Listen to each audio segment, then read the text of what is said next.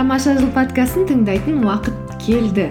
Бұл аудиоподкастта жеке даму ден мен жанның саулығы қоғамымызды жақсарту тәрізді тақырыптарды қозғаймыз. Көп созбай подкастымыздың жүргізушісі мен талшын бүгінгі эпизодты бастаймын.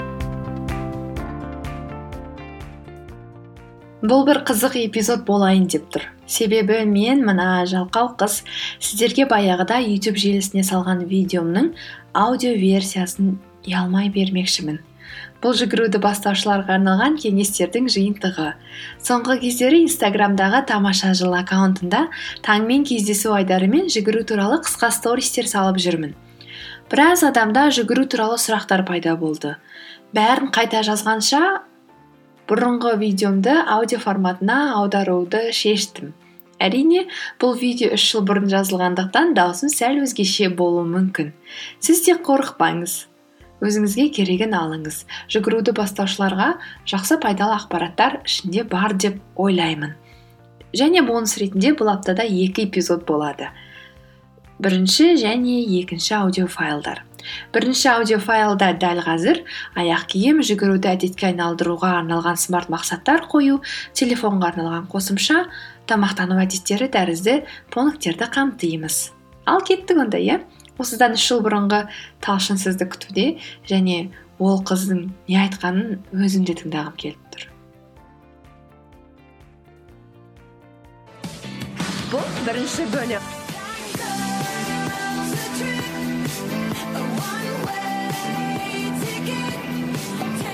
Суретшінің қолқаламы тігіншінің инесі сияқты біздің басты құралымыз ол аяқ киіміміз. Яғни кроссовки. Дұрыс таңдалмаған аяқ киім аяқ травмаларының ықтималдылығын арттырады. Аяқ тырнақтарын қарайтады және жүгіру барысында аяғымыз бен денемізді тез шаршататын болады.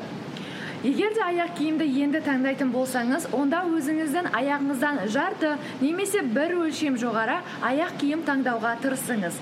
Себебі жүгіру барысында аяғымыз сәл пәл істейді ал аяқ киімнің ішінде аяғымыз қысылған болса онда ары қарай табанымыз бен аяғымыз түрлі асқынуларға ұшырауы мүмкін. Аяқ киім сатып алуға ең жақсы кез ол түстен кейін. Себебі күннің барысында әсіресе ортасына қарай аяғымыз сәл пәл істейді. Сөйтіп өзіңіздің нақты дәл келетін өлшеміңізді табуға мүмкіндік аласыз. Қазіргі таңда аяқтарды сыртқа немесе ішке басуға байланысты одан кейін табанның формасына байланысты түрлі сипатта етіп кроссовкилерді жасайды. Сондықтан алдын ала зерттеп одан кейін дүкеншімен келісе отырып өзіңізге дәл тура келетін аяқ киімді табуыңызға тілектеспін. Жүгірем деп айту оңай ал күнделікті өмірде ол әрқашан мүмкін бола бермейді. Бізге әлемді құтқару керек кейде айға ұшып керек.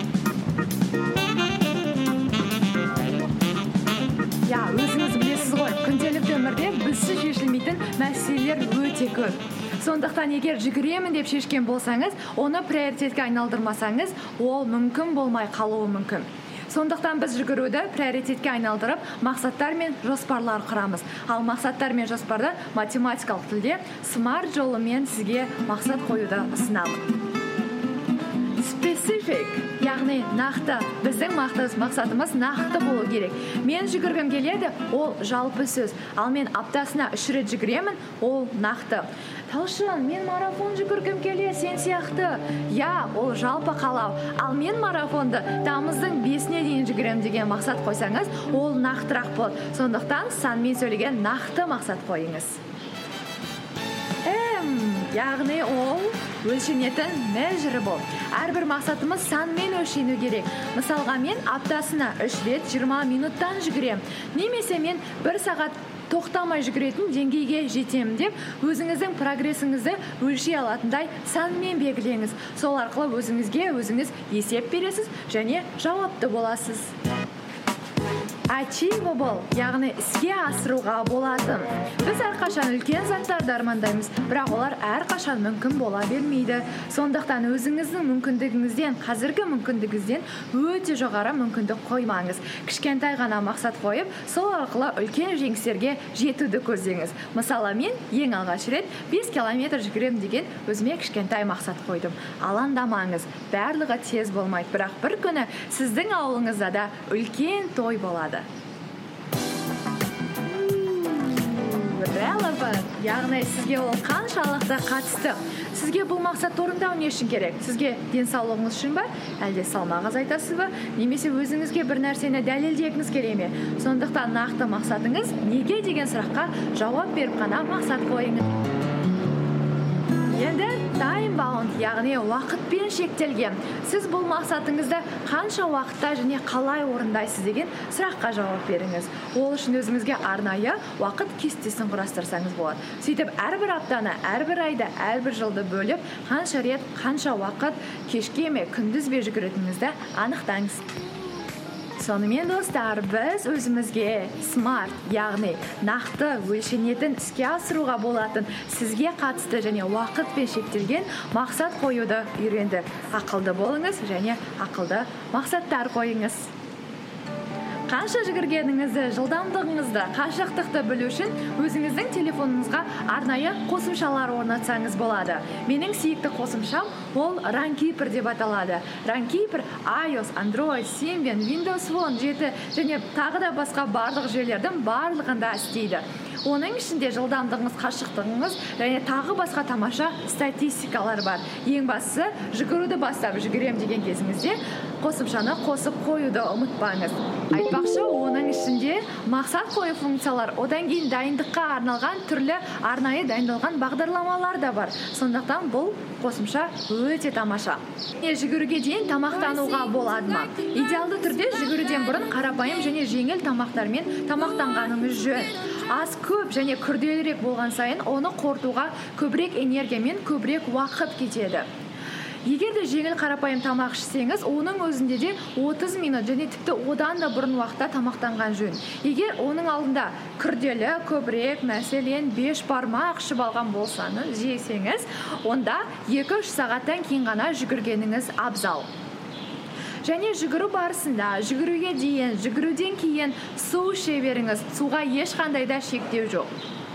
Тағы бір ескертетін нәрсем ол жүгіріп болғаннан кейін 30 минут ішінде сәл пәл болсын ауқаттанып алыңыз. Себебі сол кезде сіздің жұмсаған энергияңыздың қоры қайтадан қосылып а, зақымданған бұлшықет жасушаларыңыз бен көмірсуларыңыз қайта тезірек орнына келетін болады. Әрбір адам әртүрлі және ол әртүрлі режимде өмір сүреді. Сондықтан тамақтану мен жүгірудің түрлі түрлі эксперименттер мен баланстар ұйымдастыра отырып өзіңізге керекті балансты табуға тілектес. Және бүгінгі күнге айтатын соңғы кеңесім ол сіз өзіңіздің жеке жаттықтырушыңызсыз. Сіз мына сіз. Себебі сіздің денеңізді жаныңызды және де организміңізді білетін сізден басқа ешкім жоқ. Сізден басқа ешкім сізді жақсы түсінбейді.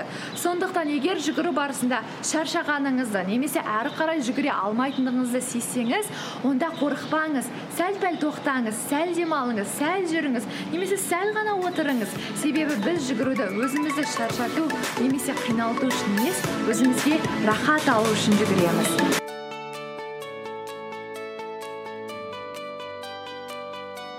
Сонымен достар жүгіруді бастаушыларға арналған кеңестер беретін бірінші эпизодымыз аяқталды.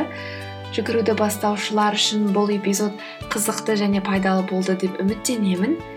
Егер де ары қарай жүгірудің техникасын жүгірудің түрлерін жылдамдықты арттыруға арналған жаттығулар туралы толығырақ білгіңіз келсе онда келесі эпизодымызды екінші бөлікті тыңдап көріңіз.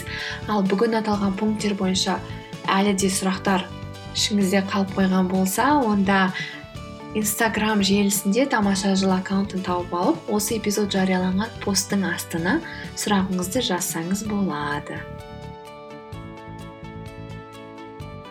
Сіз бұл эпизодтың соңына дейін жеттіңіз. Тыңдағаныңызға көп рахмет. Көбірек ақпарат алу үшін талшын нүкте ком сайтына және әлеуметтік желідегі парақшаларымызға қосылыңыз. Кездескенше.